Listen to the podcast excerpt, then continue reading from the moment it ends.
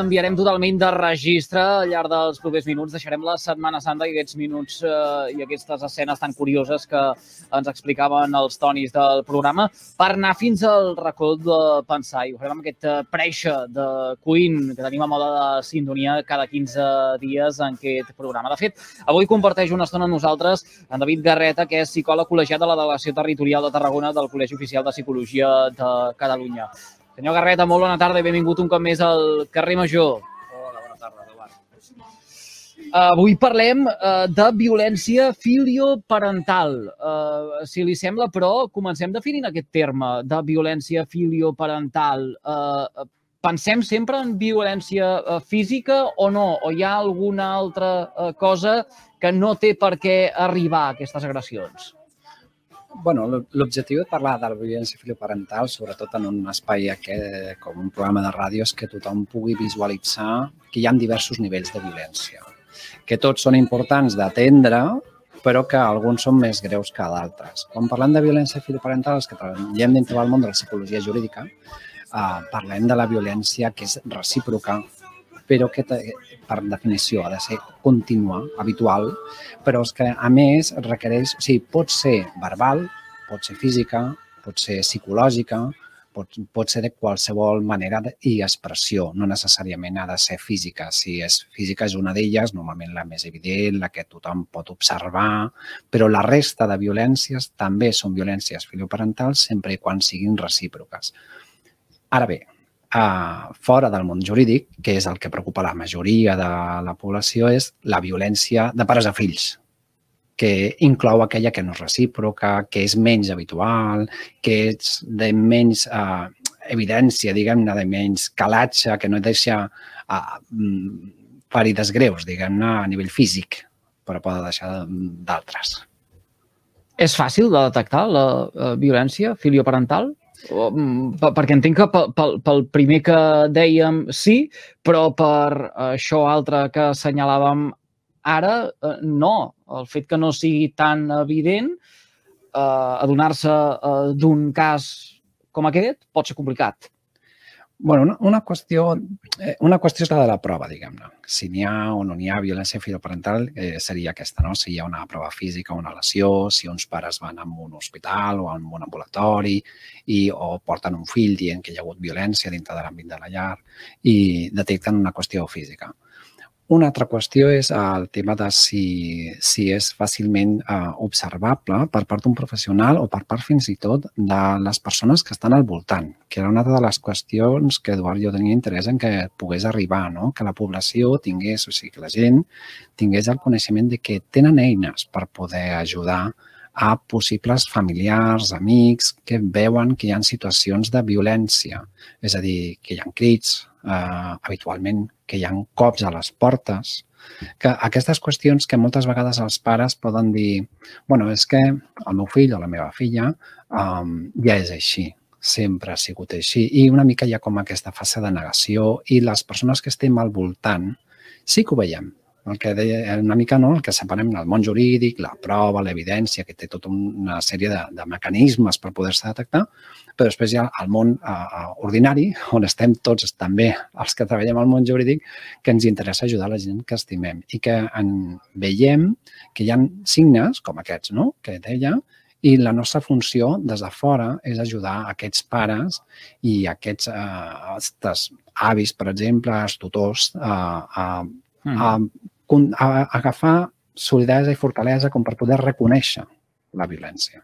Eh, eh, és realment un problema de voler reconèixer o és que mm, realment no tenim la capacitat al final de eh, jutjar o de catalogar, de posar l'etiqueta aquesta de violència perquè el lligam és tan proper, el, el lligam al final és familiar de sang que ens impedeix tenir també aquesta visió. Clar, hi ha la part de la culpa.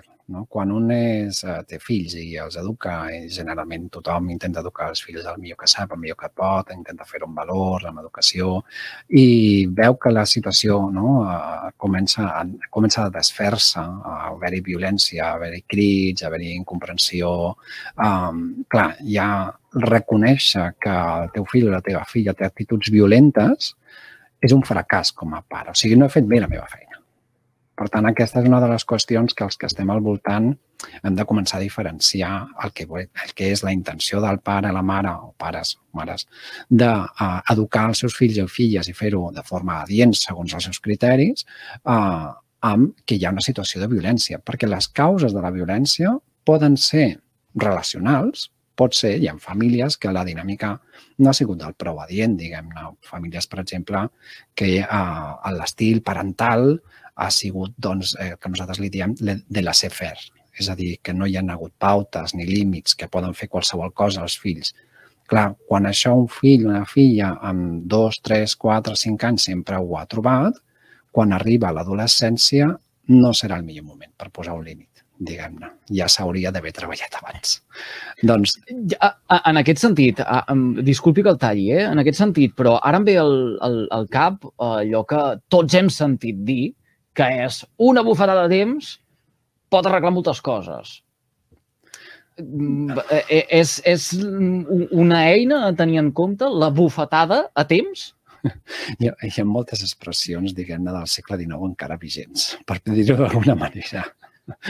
Uh, és veritat uh, que els pares poden i poden sancionar els seus fills. Per sancionar per utilitzar la paraula tècnica, eh? per no, perquè se m'entengui molt, molt, molt tècnicament. Sí, eh? sí, que, que amb aquí els especialistes, són, els especialistes són vostès, nosaltres mirem d'explicar-ho no, d'una manera intento, potser molt més barruera. No, no, intento dir la paraula tècnica perquè si no podria dir, no, els pares poden pegar els seus fills i aleshores potser tindria una querella. Però no, sí, volen... no, estem, no, estem, no estem dient, no, no, no, estem no, no, dient, pa, no estem dient pagar, però Uh, no, però el, el, que, el, que, el que li volia dir és que poden sancionar els seus fills amb, amb, amb un toc físic, sempre i quan no faci mal.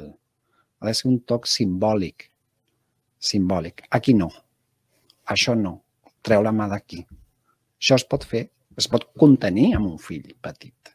Clar, amb un adult això no se li pot fer, diguem-ne. Algú no li poden apartar la mà i dir això seria violent, però amb un fill sí que es pot fer. Aquest seria el límit, diguem-ne. Però la causa de la violència filoparental no és, no és només posar aquests, uh, no posar aquests límits, que poden ser de contenció o poden ser més educatius, de criteri, d'entendre de, de, els rols del pare, de, de, sinó que també hi ha motius a nivell clínic hi ha, hi ha nens i nenes que tenen problemes de control d'impulsos.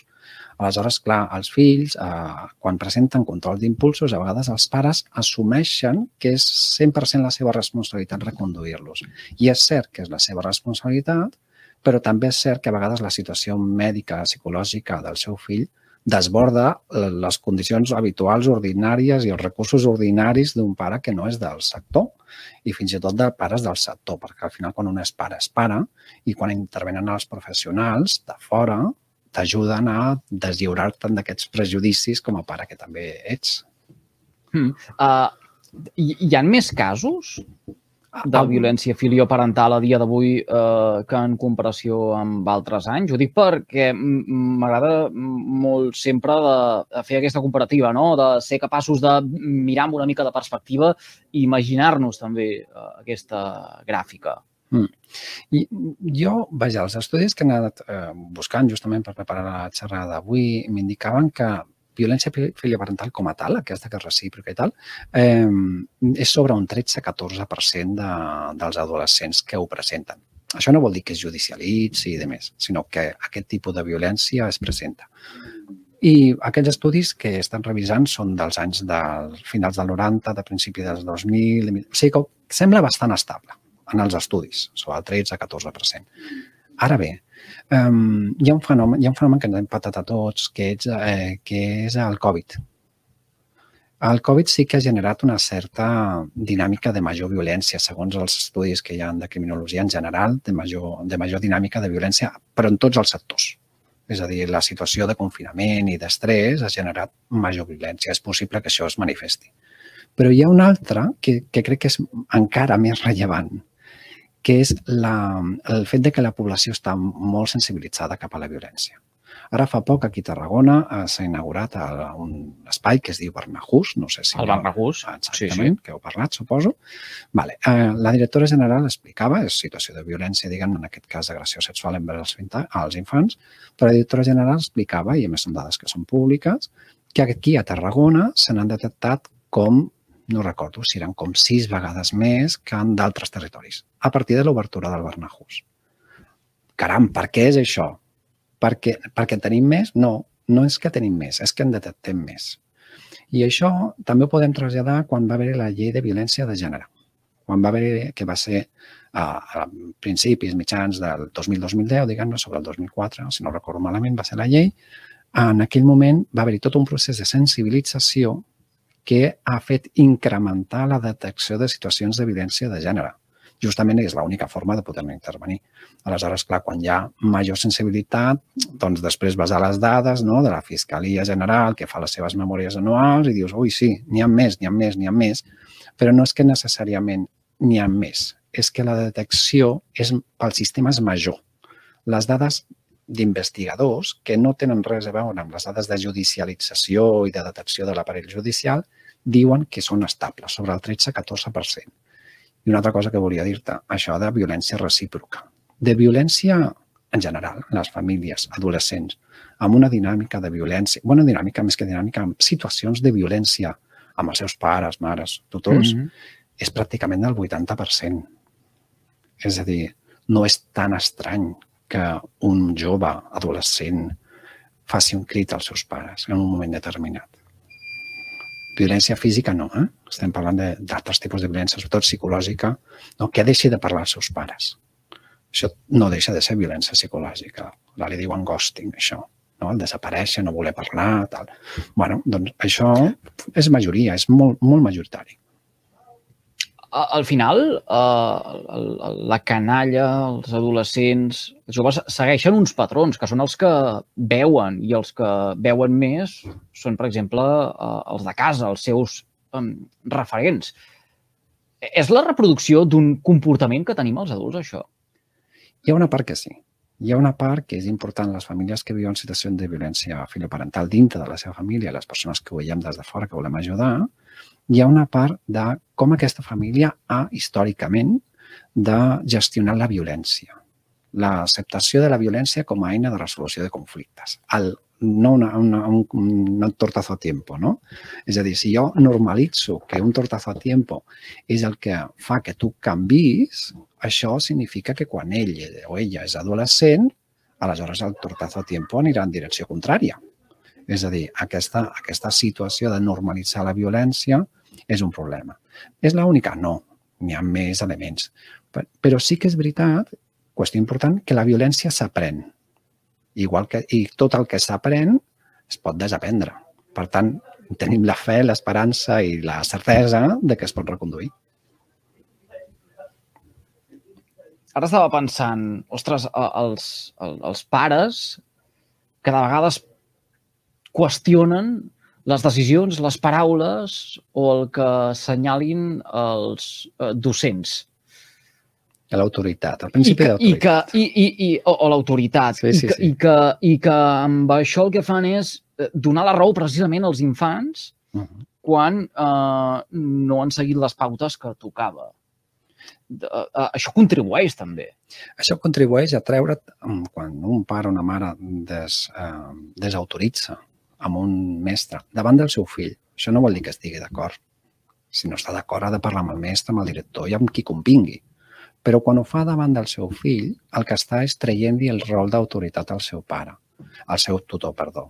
Uh, clar, quan algú té dret a treure rols d'autoritat, l'adolescent, que justament es considera en dret a tot, per la seva situació de crisi personal, que és molt gran, perquè és un canvi físic, és un canvi hormonal, és un canvi de rol, és un canvi d'amics, és, un, és un canvi, el major canvi que vivim les persones, ella es considera o ella amb autoritat d'aleshores jo treure el rol d'autoritat a tu. Perquè la meva situació és tan greu que jo decideixo qui i qui té autoritat i qui no.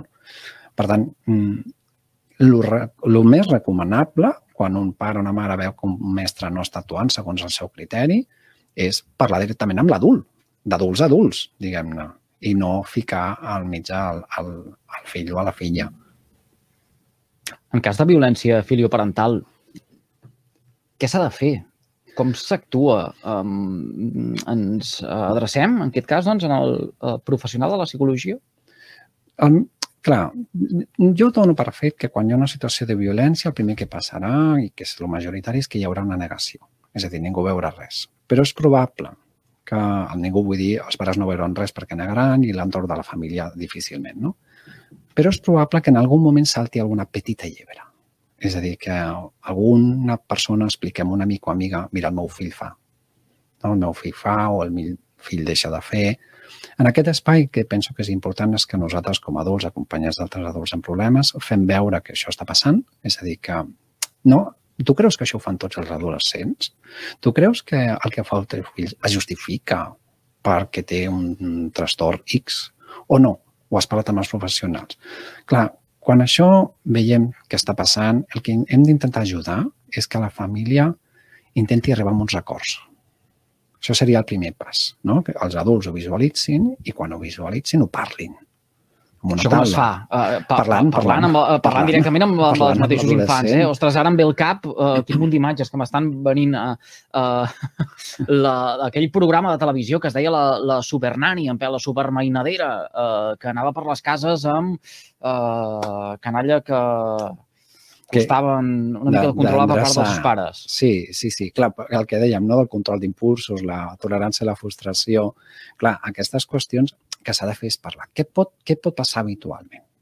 Que la situació, quan allò, diguem-ne, ja és massa evident, la dinàmica de la família està molt cremada. Aleshores, si intentar parlar no funciona, anem amb un terapeuta familiar. Per què? I per què un terapeuta familiar? Home, perquè donem per fet que és una dinàmica de violència que es dona a la família i, per tant, ens ajudarà a tots. No? Tots som, malgrat que el jove o l'adolescent és responsable de la seva conducta, evidentment, hi ha uns pares que també en som de responsables de què està passant aquí, no? d'intentar reconduir-ho. Per tant, com que s'ha de tenir el prisma de la corresponsabilitat. Entre tots fem, no? Picar la porta d'un terapeuta o un psicòleg eh, en teràpia de família és important. És important per dir, per dir, bueno, comencem a posar una miqueta d'ordre. Clar, això pot funcionar, pot no funcionar, però ja estaríem en un primer contacte amb algun professional. A vegades, què pot passar? Eh, pot ser que la família no s'ho pugui permetre, el terapeuta familiar, perquè habitualment són privats. Hi ha molt pocs ajuntaments i consells comarcals i que ofereixin terapeuta familiar. bueno, doncs també el que podem fer és trucar a la porta dels serveis socials. Serveis socials, tenen educadors socials, treballadors socials, psicòlegs, tenen tot un equip multidisciplinar que ens podrà donar un cop de mà per veure com podem reconduir la situació abans de que la qüestió avanci i es faci més greu. Això és el primer que s'hauria de fer. Mm. I majoritàriament, eh, la solució o l'acord, la, la reconducció de la situació és eh, fàcil de trobar? El que millor funciona sempre en, en l'espai d'intervenció en joves i adolescents, eh, majoritàriament, és eh, qüestions de reparació a la víctima. Per tant, en aquest cas seria reparar els pares. I l'única forma de reparar els pares a través d'uns acords de convivència. Això és el primer. I, I després, el que funciona molt bé també és que el que li dèiem mm, treball multidisciplinar o, o multicanal en la que hi ha diversos professionals intervenint. Això també funciona molt bé i sobretot en qüestions familiars. És a dir, podem tenir el terapeuta familiar que estigui intervenint amb la família, podem tenir els serveis mm. socials que estiguin intervenint amb el jove, podem tenir un psicòleg privat que estigui intervenint amb la parella, perquè la parella té les seves desavinences. Aquesta intervenció multicanal és el que ajuda sobretot en qüestions complexes com la violència filoparental o també en trastorns de, mentals com trastorns de la personalitat, que també són molt complexes, eh, ajuden a, a que s'assoleixi amb èxit, diguem-ne, que funcioni. Per tant, sí, la situació en principi és resoluble, eh, majoritàriament resoluble, es pot fer amb, amb accés a professionals, i sobretot en aquests nois joves eh, que presenten qüestions més de tolerància a la frustració, d'impulsivitat. Habitualment, mm. habitualment eh, ja han estat contactats pel CDIAP o pel CESMIC, no? pels centres de, de salut, diguem-ne, corresponents a la seva edat. Clar, això el que s'ha de fer és continuar treballant aquesta tolerància a la frustració o aquesta impulsivitat. Una darrera eh, qüestió, l'amenaça aquella eh, de et portarem a un internat no funciona. No, les amenaces no funcionen mai. A més, hi ha una qüestió d'educació que és molt important, que és que mai hem d'amenaçar els nostres fills en qüestions que no podem complir. Això també és molt important perquè això ens treu autoritat. I quan ens treu autoritat, representa, tornem una altra vegada a la qüestió, no, no, no, és, no és menor, eh? és a dir, si el pare no té autoritat perquè comença a amenaçar coses que després no compleix, quan em digui fes això, jo no sé si la conseqüència passarà o no passarà. Quan jo tinc la incertesa de que potser no hi ha conseqüència, com bon nen, ara parlem de nens, que sóc, què faré? Jugar-me-la. Perquè abans veig el benefici del que vull fer, vull jugar a pilota, vull que uh, assumir que hi ha un adult que és responsable i conseqüent darrere. Per tant, la recomanació seria ser conseqüent. Més val dir, hi haurà conseqüències i no mullar-se'n i quan passi el que no vols, aleshores decideixes la conseqüència. Acabem-nos amb això, molt important. David Garreta, psicòleg col·legiat de la Delegació Territorial de Tarragona del Col·legi Oficial de Psicologia de Catalunya. Gràcies un cop més per uh, visitar-nos. Un plaer poder parlar amb vostè. Moltíssimes gràcies a vosaltres i fins a la propera.